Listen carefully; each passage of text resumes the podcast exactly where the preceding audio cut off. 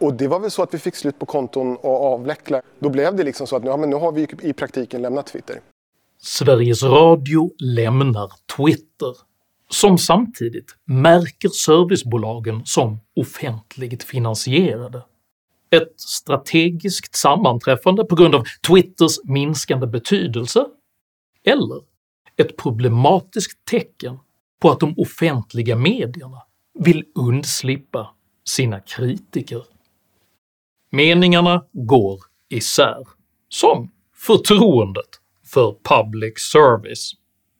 Dessa frågor tar jag upp i veckans video om Twitter och statsmedia. Skillnaden på mig och public service är att jag faktiskt finansieras av allmänheten på riktigt, medan public service kräver in sina 9 miljarder kronor årligen via Skatteverket.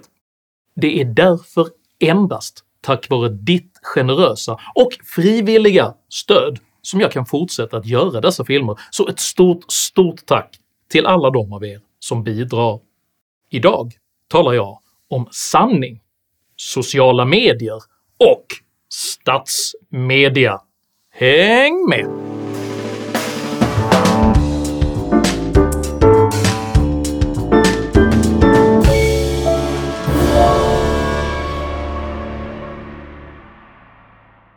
Sagan “Kejsarens nya kläder” beskriver förnekelse av det uppenbara.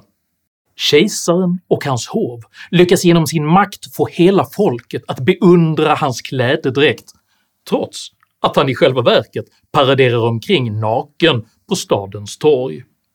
Först när ett barn är ofint nog att påpeka kejsarens uppenbara nakenhet rämnar illusionen och tvingar kejsaren att skamsen lämna torget. På liknande sätt har en besvärande rättfram beskrivning av public service-bolag plötsligt fått många av dem att lämna Twitters digitala torg. Kontroversen inleddes med att de amerikanska skattefinansierade medierna NPR och PBS märktes som statsanknuten media, vilket bolagen själva uppfattade undergräva deras trovärdighet så till den milda grad att de helt lämnade plattformen. Etiketteringen ändrades sedan till “Government Funded Media” och efter ett samtal mellan Twitters ägare Elon Musk och BBC-journalisten James Clayton till det mildare “offentligt finansierad media”. I know the BBC, for example, is not thrilled about being labelled uh, state-affiliated media. Not, not exactly. it's officially objected to that term. I think we're, we're, we're uh, adjusting the label to be publicly funded, which I think is perhaps uh, we're trying to be accurate. Uh, I'm not the BBC, but, but pu- public, publicly funded is how the BBC describes its, okay, okay, so that would be accurate. itself. I samband med denna kontrovers skrev jag själv, ärligt talat mest på skoj, en tweet till Elon Musk och efterfrågade motsvarande märkning av svensk public service.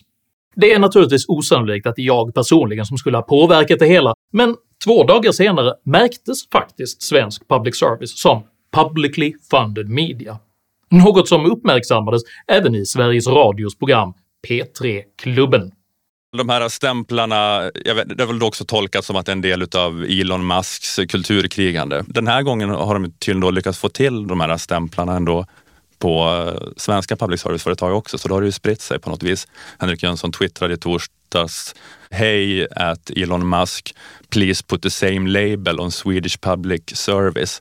Det kändes ju bara som något så här fånigt liksom, poserande för en svensk publik tänkte man då. Men han kanske har fått Elon, det kanske var han som fick Elon Musk att lyssna, jag vet inte. Reaktionerna på Twitters ändrade beskrivningar är lika starka som talande. För bara två dagar efter dess nya etikettering meddelade även Sveriges Radio att man ämnade lämna Twitter. Detta med motiveringen att plattformen minskat i betydelse. Skälet har varit att vi behövt fokusera och prioritera Sveriges Radios digitala närvaro och Twitter har helt enkelt förändrats under åren och fått, för oss, minskad betydelse. Som stöd för denna förment minskade betydelse använder Sveriges Radio rapporten “Svenskarna och internet” vilken visar att endast 7% av svenskarna använder Twitter dagligen. Denna rent numeriska analys bortser dock från det faktum att dessa 7% till stor del utgörs av makthavare, journalister och mediamänniskor vilka torde vara en högprioriterad grupp att nå med public service förment öppna och oberoende journalistik. Man paketerar därför ytterst beslutet att lämna plattformen som en moralisk omsorgsfråga. Vi har såklart noterat den senaste tidens turbulens kring plattformen och tror att det på sikt kan påverka företagets kapacitet att hantera exempelvis falska konton, bottar och desinformation, men också hat och hot. Sveriges Radio lämnar alltså Twitter preventivt på grund av hat och hot som man på sikt befarar kunna drabba plattformen. Att förlägga det hat och hot man vill undvika i framtiden får åtminstone sägas vara ett kreativt grepp och undviker onekligen de besvärande konkretionskrav som BBCs journalist råkade ut för i samma fråga. There's not enough people to police this stuff, particularly around, um, particularly around hate speech um, in the company. Do, is that what hate speech are you talking about? I mean, you use Twitter. Right. Do you see a rise in hate speech? I mean, I, But just a personal anecdote, like what do, do you? I don't.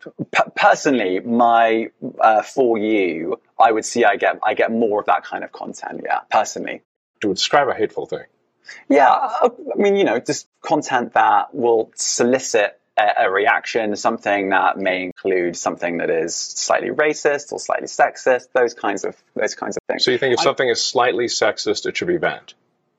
I, no, Is I'm that what not- you're saying? I'm not saying anything.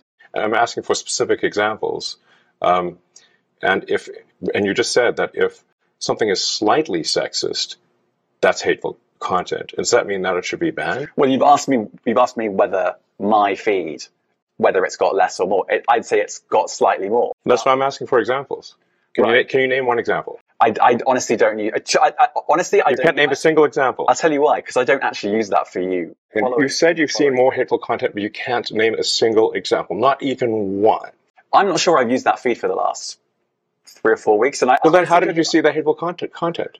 Because I've been I've been using I've been using Twitter since you've taken it over for the last six months. Okay, so then you must have at some point seen the you for you hateful content. I'm asking for one example. Right. And You can't give a single and, one. And, and, and I'm saying I, uh, then I, I say, sir, that you don't know what you're talking about. Som avslutning fastslår sig Sveriges Radio faktiskt bryr sig sjukt lite om hur deras verksamhet etiketteras av Twitter. Frågan har också dykt upp hur vi ser på att Ekot-kontot nu av Twitter märks som “publicly funded media”. Det tycker inte vi är några konstigheter utifrån hur definitionen ser ut just nu. Nyligen valde även SVT Nyheter att stänga ner möjligheten att kommentera på deras tweets med motiveringen att man oroade sig över plattformens utveckling. När vi utvärderar vår närvaro på sociala medier vill vi prioritera ner Twitter. Det ska ses mot bakgrund av oroväckande rapporter om utvecklingen av plattformen. Vi stänger därför möjligheten att kommentera på Twitter för att ytterligare utöka dialogen på våra egna plattformar. Och i den sista meningen finner vi den verkliga anledningen till att samma människor som helt nyligen försvarade Twitters godtyckliga högerdeplattformeringar med att ett privat bolag självständigt måste få avgöra hur deras plattformar används plötsligt istället är så oroade över hur plattformen används att man i panik låser ner sina konton preventivt. Från Reporter utan gränsers sida har vi jobbat i många år med att försöka få transparens och öppenhet kring hur man begränsar, stänger av, censurerar konton. Och det här visar bara att det behövs ännu mer. Just organisationen Reporter utan gränser har ju tidigare gjort sig kända för sin nyanserade problematisering av att USAs före detta president Donald Trump stängdes av från Twitter medan Bashar al-Assad, Kim Jong-Un och Vladimir Putin tillåtits vara kvar. Eller nej, just det, det gjorde de ju inte alls! Istället spelade de in en film där jag utmålades som ett demokratiskt hot på grund av min kritik av public service. Public service klarar inte objektivitetsuppdraget. Detta är ett stort problem. Vässa era argument mot public service. Det är aldrig rätt att ta folks pengar mot deras vilja. Public service är en plats i det offentliga rummet där vinstmotivet är inte det som driver det, är en otroligt viktig del av en demokratisk samhälle att man har den platsen. För det hela har egentligen aldrig handlat om vare sig demokrati, öppen debatt eller ens om oron för hat och hot, utan om makten över verklighetsbeskrivningen.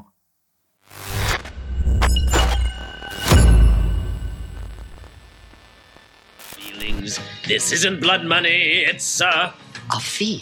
a fee, nothing more.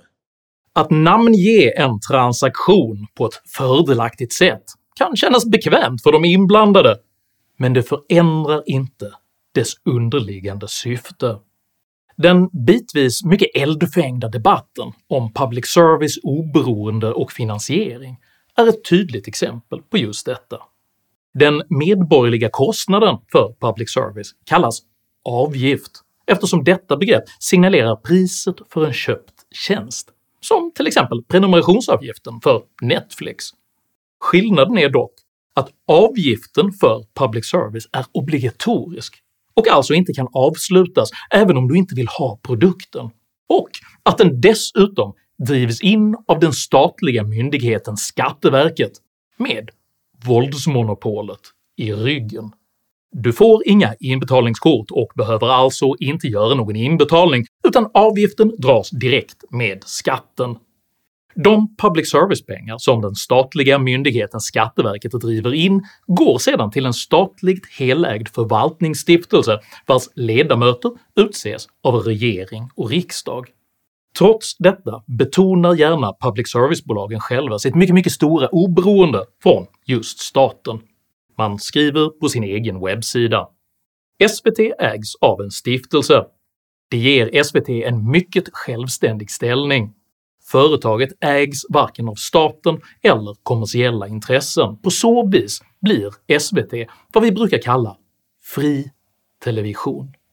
Förvaltningsstiftelsen, som alltså är densamma också för SR och UR, har idag en styrelse med 13 ledamöter. Efter förslag från de politiska partierna har dessa utsetts formellt av regeringen.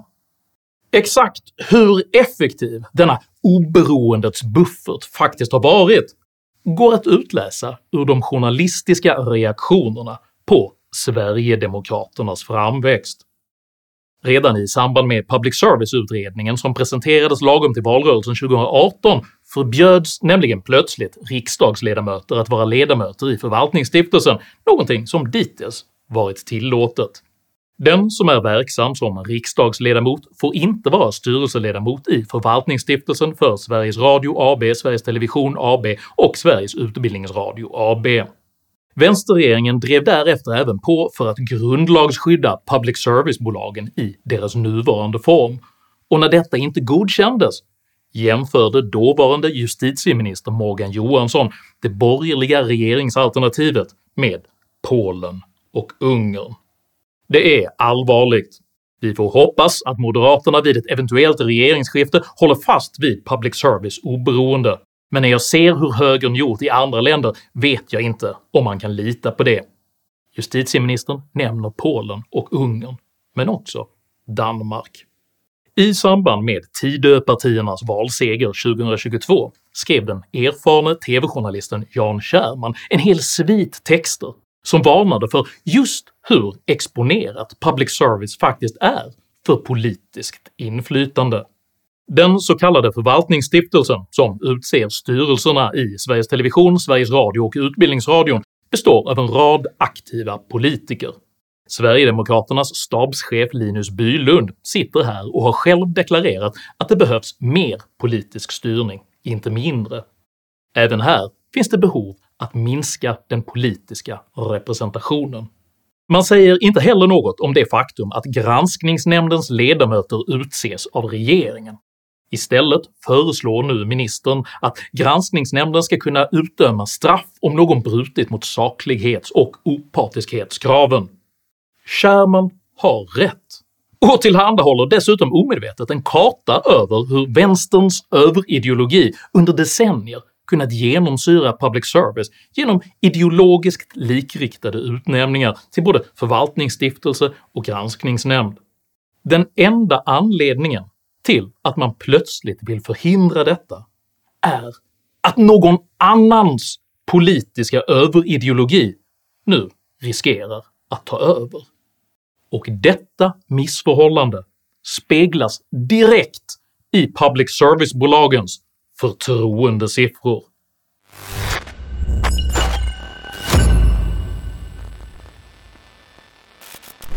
Public service-bolagen är mycket, mycket duktiga på att både marknadsföra sig själva och på att framhålla sina mycket goda förtroendesiffror hos allmänheten. Vad de däremot aldrig berättar är hur ideologiskt polariserat detta förtroende faktiskt har blivit, något som däremot Mediaakademins oberoende förtroendebarometer nyligen uppmärksammade. Då går vi till förtroende för SR och SVT fast styckat på ett nytt sätt eh, på, eh, politiska partier och det är ju jag säger att även om det är lite eh, procenttal upp eller, upp eller ner så är det i grunden samma bild som vi har sett i, eh, i tidigare mätningar som när vi har gjort den här mätningen. Ja, precis. Det finns ett tydligt starkare förtroende för public service-medierna bland rödgröna sympatisörer än bland blågula, om, man till, om uttrycket tillåts. Denna brutala förtroendeuppdelning kan inte beskrivas som någonting annat än ett haveri för offentligt finansierade programbolag med det uttalade uppdraget att verka i allmänhetens tjänst. Och polariseringen bara fortsätter att öka. Det nya som har hänt på de sista 5-10 åren är ju att även andra partier till höger, deras sympatisörer, har, har eh, utvecklat ett, ett, lägre förtroende för public service. Och det har liksom uppstått en partipolitisering i förtroendet för public service. Ja, det här har successivt blivit starkare då under en lång rad av år. Enligt Medieinstitutets undersökning av mediebevakningen av valet 2018 tyder ingenting på att det förekommer partipolitisk partiskhet i svensk nyhetsrapportering. Men medieforskaren Jesper Strömbäck konstaterar även “Det som styr den svenska politiska nyhetsbevakningen är inte politisk partiskhet och politiska värderingar, det är snarare strukturell partiskhet och nyhetsvärderingar denna typ av strukturell ideologisk partiskhet uttrycks till exempel när public service-bolagen tar varje chans att bildsätta inslag om Twitter-ägaren Elon Musk med kontextlöst spexande där programledarna sedan gemensamt sitter och skrockar över dårskapen. Cirkus Musk har bjudit på många tvära kast den senaste tiden.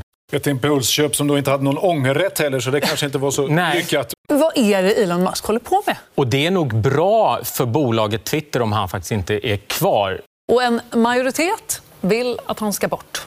Denna strukturella ideologiska partiskhet illustrerades även med all önskvärd tydlighet så sent som i förra veckan då klimatreportern Erika Bjärström valde att bemöta argument genom att ifrågasätta intervjupersonens hudfärg, ålder och kön. But who are you as a white middle-aged man here in United Kingdom to advise women in the global south on their fertility? Det är även strukturell ideologisk partiskhet när Radio P4 Gävleborg under sommaren 2020 publicerade ett test baserat på föreställningen om “vitt privilegium”. Det är strukturell partisk infallsvinkel när man påstår att det är Rasmus Paludans larviga koranbränningar som orsakade 84 miljoner kronor i poliskostnader. Och det är ängslig ideologisk undfallenhet när man låter en journalist korrigera en intervjupersons utspel så att det stämmer överens med den sliriga vänstertidningen Dagens ETCs egen identitetsuppfattning. Och nu till ett förtydligande. I ett inslag om regeringens utnämningsmakt i gårdagens Rapport klockan 19.30 kallade en sverigedemokratisk riksdagsman tidningen Dagens ETC för vänsterextrem. Enligt Dagens ETC definierar sig tidningen som röd, grön och oberoende. Dessa och många andra beslut innebär inte att public service har en avsiktlig och uttalad agenda, utan är sannolikt bara resultatet av en ideologisk hemmablindhet som man delar med vänstern. Högerns positioner, att en framgångsrik entreprenör som Elon Musk kanske förtjänar att tas på allvar, att identitetspolitik är ett dåligt sätt att bemöta argument, att den som tar till våld bär större ansvar än provokatören. Och att intervjuade personers åsikter inte bör korrigeras av nyhetsjournalister blir ur vänsterns strukturellt partiska perspektiv obegripliga och man är därför oförmögen att gestalta dem på ett trovärdigt sätt. På grund av denna oförmåga att förstå högerns bevekelsegrunder reduceras även legitim liberal kritik av public service till kulturkrig där motståndarna förlöjligas som antingen okunniga, illvilliga eller direkt odemokratiska. Denna språkförbistring är sannolikt ett kumulativt resultat av en ideologisk skiktning där de som anser statlig finansiering borgar för god journalistik i högre grad söker sig till public service än till andra medier, och där såväl förvaltningsstiftelse, granskningsnämnd som programbolag genomsyras av en organisationskultur som oreflekterat bekräftar och förstärker just dessa värden. Detta är anledningen till den eskalerande polariseringen mellan högerns och vänsterns förtroende för public service. Och denna situation kommer på intet sätt att förbättras av att de skattefinansierade medier som säger sig vara garanten för det öppna samtalet stänger ner sina kommentarsfält och konton på Twitter. För programbolag som är missnöjda med att beskrivas som statsfinansierad media finns således ett uppenbart sätt att korrigera detta. Sluta att ta emot pengar som drivits in av staten. För ytterst tvingas även den allra mest fåfänge kejsare åter att bära verklighetens kläder.